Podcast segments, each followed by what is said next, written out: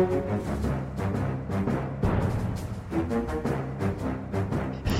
nei, men Da eh, begynner vi på med en eh, ny Aftenpodden. Eh, for en uke det er. Jeg er Lars Glomnes med direkte inne fra Moskva. Trine Eilertsen, går det bra? Ja, hei. Ja, ja, det går bra med meg, men vårt tredje podkastmedlem, Sara Sørheim, hun ligger nede for telling.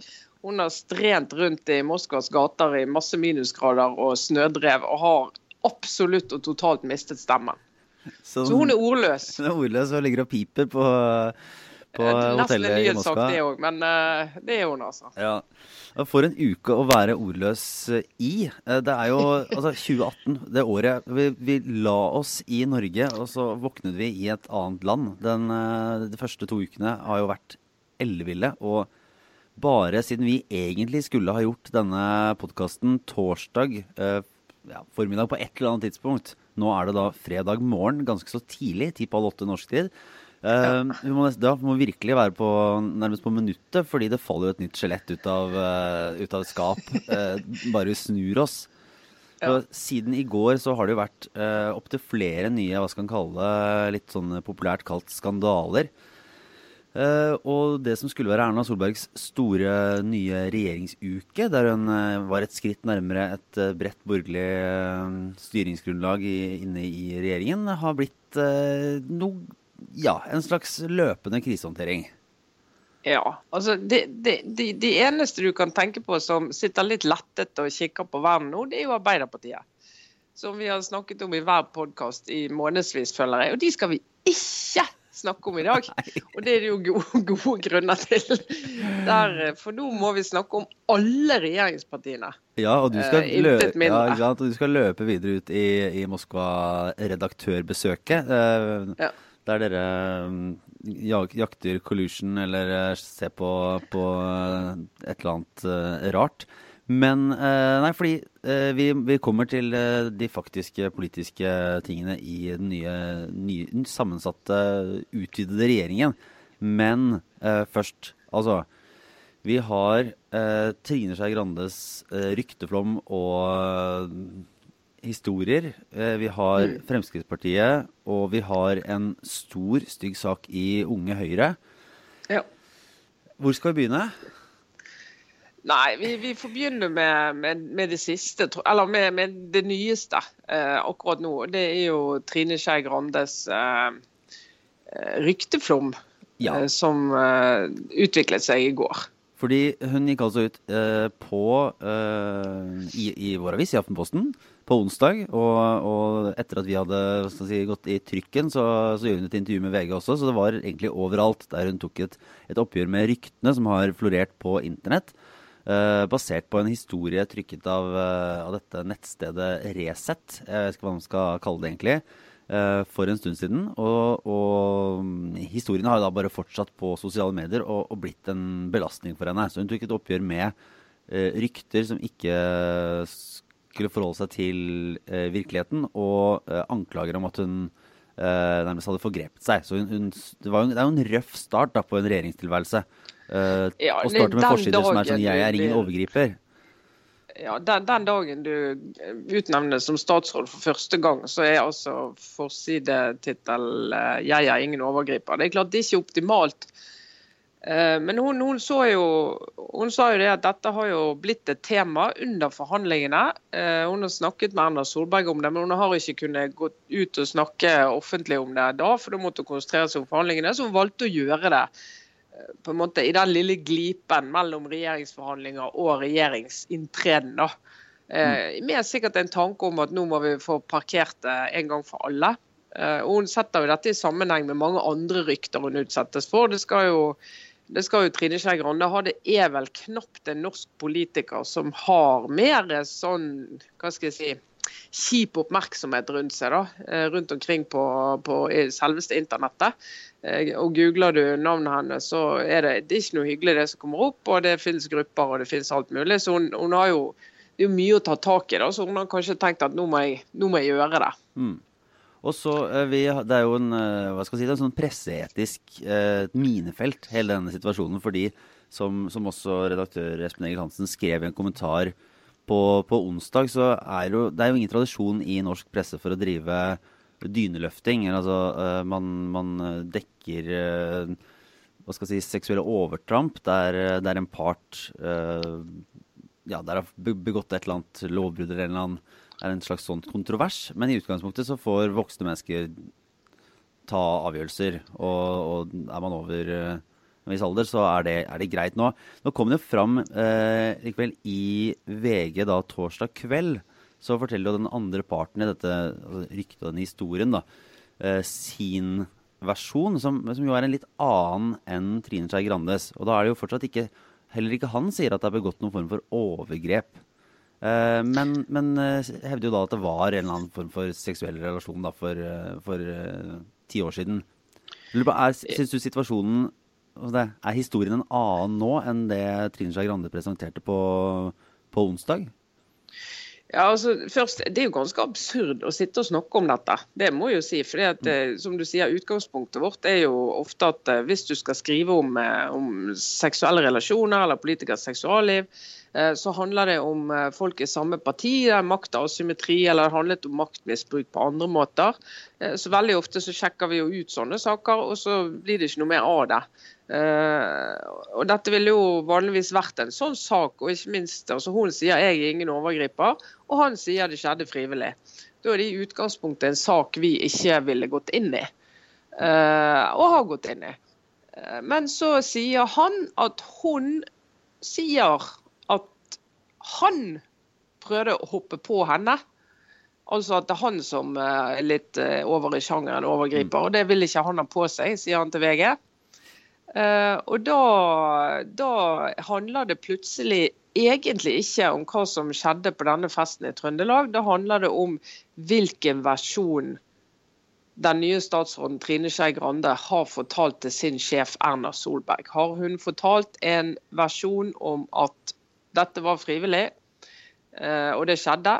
Eh, eller har hun fortalt en versjon om at han hoppet på henne, og hun fikk avverget Dora. Og det er jo rett og slett derfor dette, denne saken ikke døde i går kveld, for å si det forsiktig. Mm. Oh, men kommer vi noen gang til å finne ut det, da? Det er jo ja, en samtale mellom to uh, mennesker. Uh, er det... Det, det, er, det, er, jo veldig vanskelig å si. I går kveld sa jo Erna Solberg at samtalen mellom, uh, mellom meg og, og, og, statsrådene mine forblir mellom oss. Uh, og så har jo ikke Trine Skei Grande villet kommentere det han sier om at hun sier. Altså vi er mm. skikkelig inne i en sånn. Ja.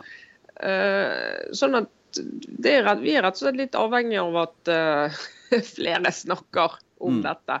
Uh, de to viktigste personene i, i, selve saken har jo nå uttrykt seg. Og, og, som sagt, det er ikke motstridende versjoner i offentligheten fra de to. Mm. Det er ikke sånn at hun sa til Aftenposten at uh, at det ikke lå noen ting i en At, at, at, at han var en overgriper. Nei. Men mm. hun, hun, kommenterte ikke hva dette handlet om. Det er jo han som går langt og på en måte sier at hva dette jo, var. Ja, Så gikk vel Trine Skei Grande ut hun var også i Dagsnytt 18 vel, sa vel noe om at, at hennes historie altså, så ga en uh, ga et for at hennes historie, som var ganske annerledes enn det som har vært fortalt i rykter, og, og til dels også annerledes enn hans historie, var kjent hos de som trengte ja. å vite det. Og det, det var vel, det, ifølge denne mannen, så var det da en, en slags provokasjon, da, fordi han følte at at, uh, at, det ble presentert en historie rundt for, uh, ja, for, for, statsministeren og for mektige folk om, uh, som stilte han i et dårlig lys. da.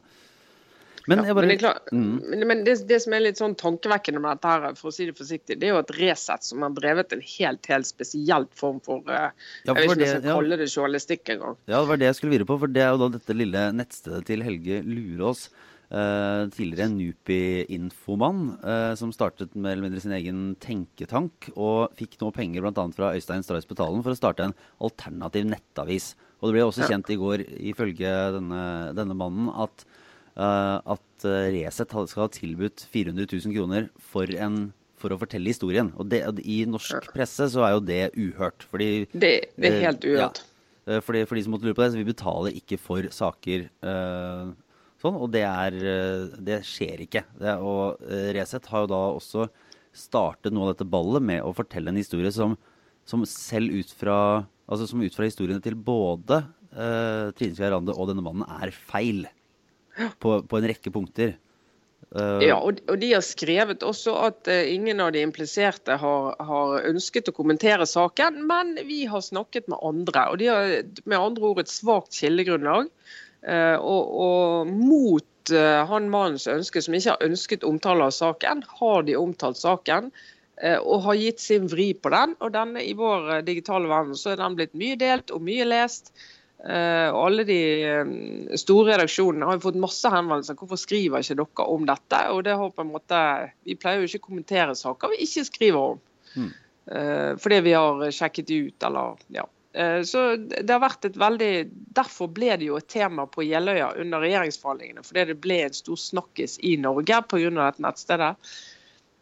og det, det, må jeg si. Jeg syns det er rett og slett et dårlig tegn for, mm. Eh, for, vår pressevirkelighet at den type journalistikk skal få den typen gjennomslag på denne måten. Ja, vet dere, det er jo en liten sånn, er en presse, litt sånn nerdete ting. Er Øystein Strauss Betalen sitter jo som ja, han er vel kanskje vara, men han er jo på en måte folkets representant, eller offentlighetens representant ja, i PFU. PFU ja. som handler om Vær varsom-plakaten, som Resett ikke forholder seg til. Der må han, eh, Bør han ut derfra, synes du?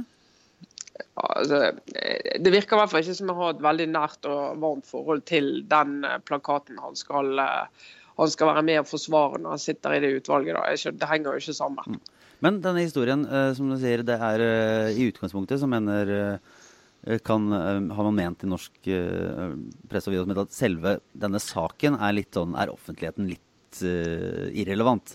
Men, ja. men nå, nå fins den, da. Er det sånn, er dette Eh, starten på slutten for Trine Skei Grande før eh, statsrådskarrieren har begynt, eller kommer det bare til å blåse over og, og, og være en historie som ja, bare ligger der? Jeg tror det er veldig vanskelig å, å, spå om det. Altså Hvis vi får en sånn diskusjon om har hun snakket sant til statsministeren, det er jo ekstremt uheldig. Mm.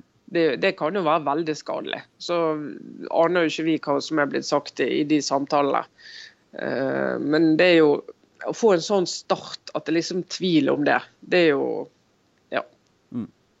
Og, men vi kan jo bare fortsette til neste, neste, trist, neste triste politiske sak. Eh, egentlig. For, eh, for i, eh, i, Fremskrittspartiet så, så, var det en ny eh, liten runde i denne merkverdige Ulf Leirstein Altså saken om Ulf Leirstein, der, der NRK i forrige uke avslørte at han hadde sendt e-poster med hardpornografi til FPU-medlemmer, bl.a. en 14-åring. Så kom de med neste lille runde med, med, avsløringer, der det ble avdekket tekstmeldinger fra 2012 der Leirstein eh, sendte meldinger med en kvinne, som da vel også da var i, i 30-årene, eh, om eh, forslag om trekantsex med en 15-åring, altså en FPU-er.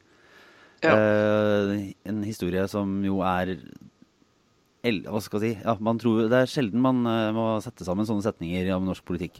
Men uh, avsløringen, eller hva man skal si, påstanden da, eh, fra, fra torsdag var jo fra, fra Jon Gåsvatn, tidligere stats, si, si, stortingsrepresentant fra Østfold, samme fylke som Leirstein, var involvert i en veldig bitter nominasjonsstrid før valget i 2013. Uh, men han hevder jo nå med, litt sånn, med datobenevning på at han sa ifra til uh, Siv Jensen og flere andre i partiledelsen om mm. disse forslagene da, allerede i 2012. Og at Siv Jensen uh, mer eller mindre sa, ifølge han, bokstavelig talt sa ikke fortell meg mer. Dette vil jeg ikke vite noe om. Ta det med organisasjonen. Og, og så tok han det med organisasjonen, og så ble det aldri tatt tak i. Ja. Og det høres jo ut som en eh, Skal man ta Gåsvatns ord på dette, så, så, høres det jo ganske spesielt ut for, eh, for eh, landets finansminister og leder i Fremskrittspartiet. Ja, jeg syns jo Altså, Siv Jensen sier hun kan ikke huske at de har hatt denne samtalen. Og hun mener det ikke har skjedd. Hun, jeg husker ikke akkurat formuleringen, men hun har tatt etterretning at han husker det på den måten. Ja, altså, hun, kvinnen i 30-årene, har vel også prøvd å å varsle. Eh, men har, og det vært sendt tekstmeldinger, og hun har fått telefonnummer til Siv Jensen og skal prøve å ringe og prøve å si det samme. Eh, men Siv Jensens holdning skal ha vært at men dette er generalsekretæren, ikke, det er ikke meg. Mm. Eh, men det hun, hun, velger å si, det er at hun overhodet ikke husker dette, og legger opp til at de rett og slett ikke snakker sant. Mens det hun kunne jo ha sagt, det er jo at ja, det er riktig det. Jeg reagerte sånn. For i vårt parti er det sånn at det er partisekretæren, generalsekretæren, som, som, tar seg av den type organisatoriske spørsmål. Og så kunne hun sagt men sett, sett i lys av det vi i dag vet, så var det en dårlig håndtering. Jeg burde gått inn i det selv for å forsikre meg at det blir gjort noe med.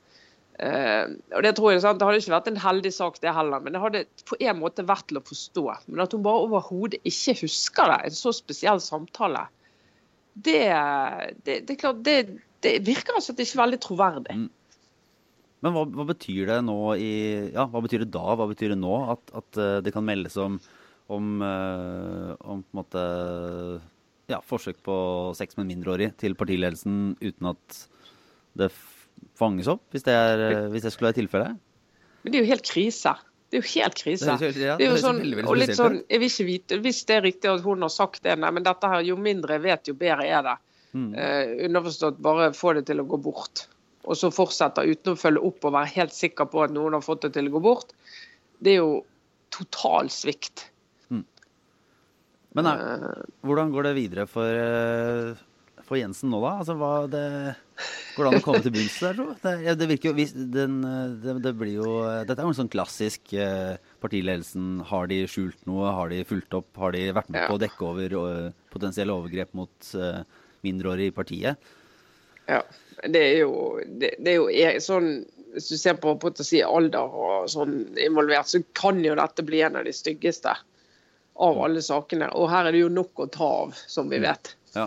Uh, og det Altså, Den nye regjeringen har fått en helt forferdelig start. Nei, sånn, altså, altså, Jonas Gahr Støre jeg, jeg, helt, altså, jeg, jeg, tror ikke at Jonas Gahr Støre godter seg over måte, andres problemer i sånn større grad enn andre mennesker.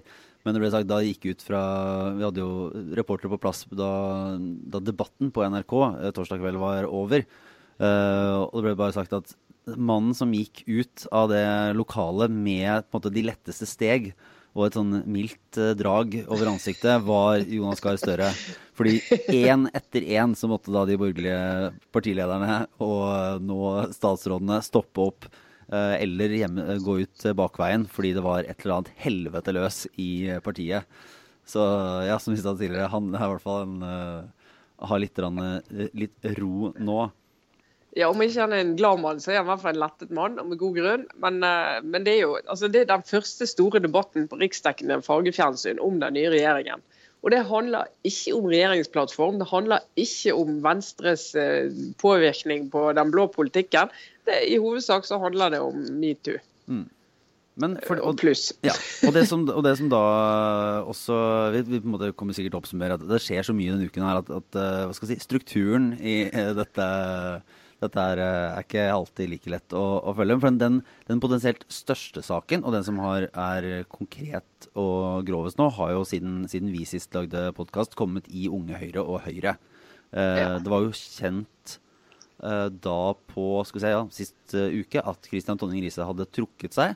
Eh, men Aftenposten kunne publisere på forrige fredag en, en veldig alvorlig sak som var måte, bekreftet fra alle hold, om at Christian Tonning Riise, da han var sentralstyremedlem i Unge Høyre, var på et uh, møte i partiet. Og sånn uh, flere vitner forklarte det, fikk ansvar for å passe på en 16-årig uh, eh, kvinne fordi hun var bruset, og fordi hun var 16 på et på en måte delvis voksenarrangement. Og så kom de da tilbake, og så fant de denne jenta på et rom med Christian Tonning Riise. Uh, og måte, alle parter her har erkjent at uh, de hadde sex, og det skjedde ting som uh, ikke burde skje. Riise har angret. Og det ble jo også da, ifølge de som Aftenposten har snakket med, varsla inn til Unge Høyre at dette hadde skjedd i 2014. Ja. Uh, og tre, tre, måneder etter ble han valgt til eh, leder av Unge Høyre. Ja, og eh, det har jo også da kommet fram at eh, flere fylkeslag har reagert på oppførselen til Kristian Tonning Riise. At både forhenværende si, styremedlemmer for flere år siden har advart ham mot oppførselen, aggressiv sjekking, ja, overdreven drikking, diverse andre sånne eufemismer som det av og til kan være litt vanskelig å forstå hva betyr. Uh, mm. Men det har, i hvert fall vært, det har vært nødvendig nok til at sentrale personer i Unge Høyre har tatt opp med Unge Høyre-lederen. Uh, men det har jo da tilsynelatende ikke hjulpet. Og siden i november, er det vel, uh, har det da vært en diskusjon der også partisekretær i Høyre, Jon Ragnar Aarseth, har vært involvert i håndteringen av bekymringsmeldinger mot Tonning Riise. Ja. Og Likevel sto Men, uh, Erna Solberg på uh, avsluttende pressekonferanse rett før jul og ja, jeg skal ikke karakterisere det, men ga uttrykk for at, uh, for at Høyre hadde tatt denne problematikken på alvor. Og var harde i klypa og i det hele tatt kunne være et eksempel til etterfølgelse, bl.a. for Arbeiderpartiet. Ja. Ja, og det er jo noe av det som gjør denne saken stygg for henne. Det er to ting som gjør han stygg for Erna Solberg. Tre ting eh, som gjør han stygg for Erna Solberg. Det ene er det hun sa eh, på den eh, julepressekonferansen. Der var jeg selv og hørte på. Det hørtes veldig betryggende ut. Hun fortalte om karrierer i Høyre som var blitt stoppet omtrent på, på mistankens grunnlag. De, vi skal ikke ha det her, var signalet. Vi kan ikke ha folk i sentrale posisjoner som driver med den slags. Eh, og så viser det seg at det har de jo absolutt kunnet ha. Ikke bare leder av ungdomsorganisasjonen, altså den som leder den organisasjonen der de yngste og mest sårbare partimedlemmene eh, holder seg. Eh, men også på toppen av stortingslisten i Hedmark fylke, som også mm. kom etter dette. Ja, fordi Tonje Ingers ble jo da både gjenvalgt som leder i Unge Høyre og nominert til førsteplassen i Hedmark og valgt inn på Stortinget. Ja, og Det er jo en helt absurd grunn nå i etterpåklokskapen når vi hører på Unge Høyre og Høyre til at han ble gjenvalgt. Det var at det var liksom ingen andre. Og Da, da har du jo enorme problemer i partiet hvis det er alt du har å ta av en du er nødt til å, å fotfølge på, på, arrangementer blant medlemmene. Eh, men det andre grunnen er jo måten Erna Solberg reagerte på da dette ble kjent. Det var riktignok før denne saken med 16-åringen var kjent, men det første hun sier var at dette er en veldig trist historie for Kristian og for Høyre, mm. sa hun. Hun glemte på en måte å si at det var en trist historie for, for eh, alle disse eh, jentene eh, det er snakk om. Og det har jo satt seg. Og så sier jo folk i partiet at det var ikke sånn ment, og hun sier at det var ikke sånn ment, jeg burde understreket det, men det henger der. Og så er jo, hun, er jo det tredje ja, problemet der. Mm, hun, har jo bare sier, hun, har jo, hun har jo sagt at, at, hun ikke visste mer på det tidspunktet. Uh, ja. Og så kan hun jo spørre seg om det er uh, at det kanskje ville vært en god idé å sjekke litt mer hva som var status uh, når unge Høyre-lederen velger å trekke seg. Uh, ja. Og altså, dette er jo en person som sitter, sitter, vel i arbeidsutvalget, hvis ikke jeg tar helt feil. altså sitter i som del av den utvida ledelsen i uh, partiet og er ja. helt tett på Erna Solberg ja. jevnlig. Jo, men, men, de har, men, men, det er klart eh, Høyre Unge Høyre har jo hatt en, en hjelpeløs, uh, altså hjelpeløs prosess og evne til å få frem saken. Altså vi, vi i Aftenposten ettergikk jo bekymringsmeldingene og fant jo ja, jeg vil si i løpet av relativt kort tid hva dette handlet om. Mm. Uh, og Høyre har også ikke klart det. Og har holdt på med det i ukevis og månedsvis. Og da er det jo et eller annet med måten de jobber på som er Og, det, og her kommer jo Erna Solberg sitt litt sånn store problem inn. For det er klart Unge Høyre er en egen organisasjon uh, med egen partisekretær, uh, og Høyre har sin. Uh, og de har selvfølgelig masse med hverandre å gjøre, men ikke mye. Åpenbart for lite. Men likevel så er det nesten ikke til å tro at det har kunnet gå så utrolig galt så lenge i ungdomsorganisasjonen uten at noen i moderpartiet har plukket det opp. Uh, og Jon Ragnar Aarseth, uh, generalsekretæren i Høyre, har jo heller ikke varslet Erna Solberg om at de har sittet i samtaler med unge Høyre-lederen som egentlig handler om å overbevise han om at han bør slutte. Og det, det, er jo, det, er jo, og det har han da beklaget. Altså for å si, det skorter ikke på beklagelser her på nyåret. Det, det, det, skorter det ikke på. Nei, det er mange beklagelser. og, og og Høyre og Unge Høyre har jo, virk, de har jo lagt, seg, uh, lagt seg veldig flate. Ja. Men så, så gjenstår det jo noen journalistiske spørsmål, da, må man si, sånn, fordi, uh, fordi, man skal jo ha all forståelse for at det er et Altså, dette er jo et ungdomsparti, og er jo ikke nødvendigvis uh, profesjonelle på en del sånn problemhåndteringer. Men for det første så har de jo et ansvar for svært unge mennesker, da. Og deres trygghet. Og så har de jo også et ganske stort apparat rundt seg med med ressurser, med tanke på at de faktisk er medlem av ungdomspartiet til et regjeringsparti som styrer Norge.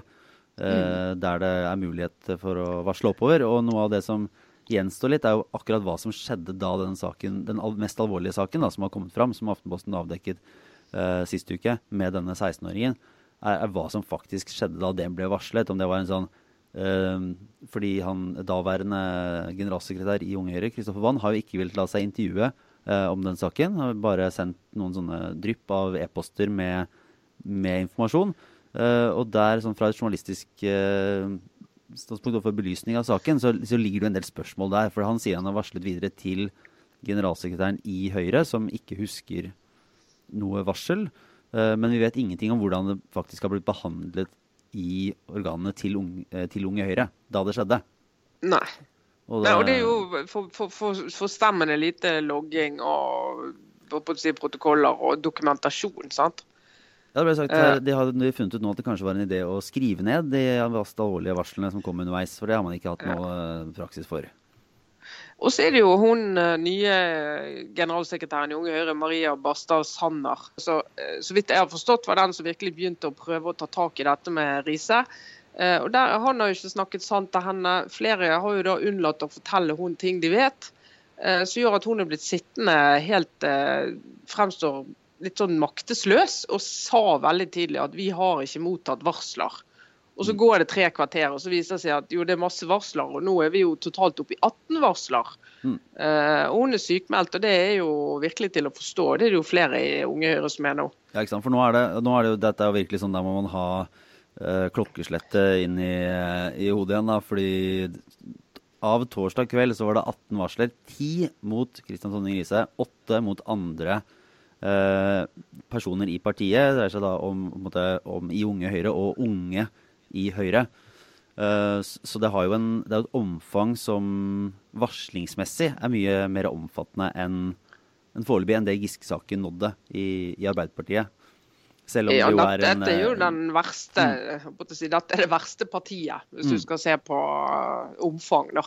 Men nå har det jo det som, det som skal sies da til Høyre, så er at det virker jo som om de har fått troverdighet på at varslene mottas og blir behandlet. da. Eh, og det var det vel det var det en bekymring for i Arbeiderpartiet, og, og, du har vel også snakket om det før, at, at der ble varslingssaken uh, og hele den politisk betente situasjonen rundt Trond Giske gjorde at det potensielt uh, var vanskeligere å varsle, også fordi det ble lekket fra varslene.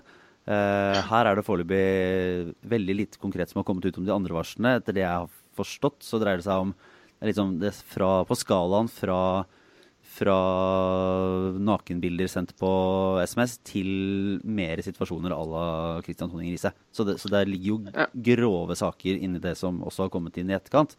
Ja. Uh, men hvordan det ja, som nå skal behandles videre. Og det, det vokser jo dag for dag, da, har det gjort uh, den siste uka. Ja, det Jon Ragnar Aaseth, eh, generalsekretær i Høyre, tror jeg også har hatt en grusom start på det nye året. Det ser du på hele hånd. Eh, men men det her er sånn OK, nå må vi bare ta den sjauen og rydde opp og få ut alt. Du kan ikke ha dette her dryppende utover. Og så må du eh, ja, nei, men Jeg merker jeg er så forundret over at ikke dette har piplet opp til partiledelsen. Mm. Det, det, det er sånn at nest, Jeg tror jo Erna Solberg på at hun ikke har visst det når hun sier det, men jeg kan nesten ikke forstå at hun har rigget seg med en organisasjon som ikke lar hun få vite om om det bare rykter om at sånt skjer i partiet eller ungdomspartiet. Eh, så mener jeg dette er sånn som hun må bare vite. Så det, er jo... det fremstår det er, bare, det, er en, en, det er mange ledere i løpet av denne høsten som har lært seg at de og det kom ganske tidlig, at de må spørre veldig aktivt. Eh, både ned i organisasjonen og sine nærmeste medarbeidere om er det noe jeg burde vite. Er det, er det noen ting her som kan komme på, på, mitt bord? Og nå har det jo, nå har det jo kommet på hennes bord. Og, men, men, kommer vi noe lenger enn at hun bare sånn stadig må ja, ja, beklager, skulle gjort det bedre? Er det Altså, jeg tror ikke Erna Solberg mister jobben pga. dette. men, men, fordi at hennes rolle foreløpig altså For å si det, men, Hvis du tar altså, og sammenligner Venstre og Frp jo, jo, og, men, og Høyre tror, Men eh, bare den der altså, eh, Det var jo for, for Jonas Gahr Støre så ble hele Giske-saken sett på som en en krise. Og det var jo eh, skal si, Det var ikke akkurat eh, nødvendigvis mange, men det ble sånn, dette er et spørsmål om hans ledelse. Eh, Ja. kan, han, liksom, kan han sitte, har han tillit, klarer han å håndtere en organisasjon? Altså, hvorfor, hvorfor, skal, hvorfor er, det, er situasjonen eventuelt annerledes for Erna Solberg? Altså Den store forskjellen på, på de to situasjonene eh, og Da må vi bare, bare få sagt at Høyre-situasjonen fremstår mye verre i sak og i substans enn Arbeiderparti-situasjonen.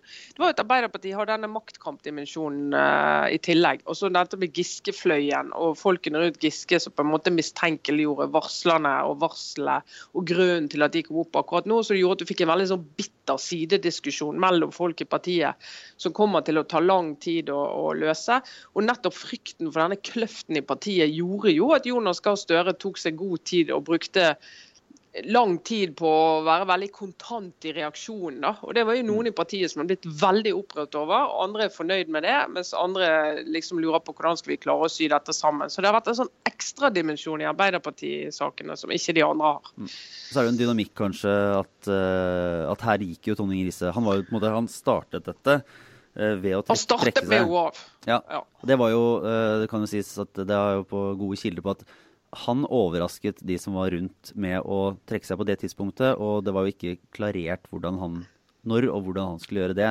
Blir det sagt? Det, det kan jo, Alt dette er også en del av en liten sånn PR-kamp, men, men det ble sagt at han, han gikk ut overraskende, og det var ikke meningen at han skulle være den første som varslet at han gikk av. For det var jo, det var jo, en, eh, det var jo også diskutert at du får eie litt av eh, historien, når han da fikk Ja. komme med ting som viste seg å ikke stemme i den første Ja. vurderingen. Han fikk jo ros første døgnene for å være en sånn moderne uh, mann som, som tok ansvar på, for egne handlinger i ungdomstida, som han kalte det. Uh, og på en måte var litt var forut. Og liksom flere må gjøre som han og, og se på egen oppførsel. Og så lå det jo da mer, og han var vel også klar over at Aftenposten i flere uker hadde jobbet med saker om bekymringsmeldingene og, og varslene om ham. Ja, og det er no nok en sak hvor du tenker, hadde ikke det vært for hele metoo-kampanjen og at pressen da har jobbet og jobbet og jobbet med å få frem konkrete historier, så, nei, så har de vel hatt et stille og rolig liv på Stortinget da. Vi må se. Men eh, du må snart, uh, ifølge denne lille klokka som jeg har i hvert fall, så nærmer du deg den siste, av, Ja. siste avreise. Det høres litt dramatisk ut, men uh, neste punkt på programmet, hva er det dere driver med egentlig? Ja. Dere Nei, nå, som flotter nå dere i skal vi rett og slett Vi er borte på så lite strategiseminar. og det høres jo ut som det, Vi må snakke litt om hva vi skal gjøre fremover. Men så kombinerer vi det med å besøke vår Russland-korrespondent Per Anders Johansen, som har uh, laget et program for oss som er helt fabelaktig. Så vi har besøkt et par redaksjoner. Eh, altså episke møter i går. Eh, både hos eh, Novaja Gazeta, der Anna Politkovskaja, denne myrdede journalisten, jobbet. Veldig sterkt møte med de. Men også med Pavel Gusev, som er redaktør i en, i en avis som han eier sjøl. Som han ja, sjefredaktør i. Han har vært presseminister eh, for, tidlig på 90-tallet. Han er leder av Journalistforbundet, kunne han fortelle. Artig kombo. Eh, og veldig det, det, opptatt det av høres ut som det er en del rolleblandinger den. eh, Jeg var litt sånn usikker på voldsomt. hvor han eh, sto. Kjemperik, selvfølgelig, og kritisk til ytringsfrihetens kår i Russland. Og en morsom fyr å møte, altså. Det må jeg si. Han Sånne redaktører har ikke vi i Norge, det kan jeg bare si. Det var helt annerledes. Ja, Men nå skal vi en tur i Kreml, altså. Se det, ja, men det høres eh, storslått ut. Det var og det var så mange eh, det var så mange, så mange heftige saker i, eh, i ukens politiske liv at vi rett og slett ikke rekker noe særlig verken obligatorisk refleksjon eller gode, men ubekreftede rykter. Men uh, dere får jo ha fortsatt godt uh, opphold i uh, Moskva, og så er vi jo tilbake neste uke, og da har det sikkert skjedd 100 ting til. Vent da, rakk Ja, nå var det jo fryktelig lite om denne nye regjeringen. Ja, altså, Men det kan regjeringen takke seg sjøl for. Eh, at vi kan ikke snakke om regjeringsplattform og politikk når de eh, holder på med det de holder på med. Så lykke til. Ja, da er det, det er faktisk Vi lar denne regjeringen sette seg lite grann. Eh, Er det noe spesielt, eh, bare helt kort, du syns er veldig spennende med det som har eh, med den nye sammensetningen, eller er det Eh, nei. Nye, nye, nye Jo da, det er det, vet du, det er ting å snakke om, men vi må rett og slett uh, ha en liten bolt på det. Tiden, det er også ting ja. å snakke om. Altså, se på statssekretærer og alt det der. Ja, Ja. Det, det større bildet. Her eh, Tiden spiser oss, og dramatikken. Vi er snart tilbake. Takk, Trine Eilertsen. Uh, takk for meg. Jeg er Lars Glomnes. Ha det bra. Så godt. Jeg likte bare Ja, det var jo den. Det var en ting til. Ja, regjeringsplattformen, det ja, den eh, Historisk regjering.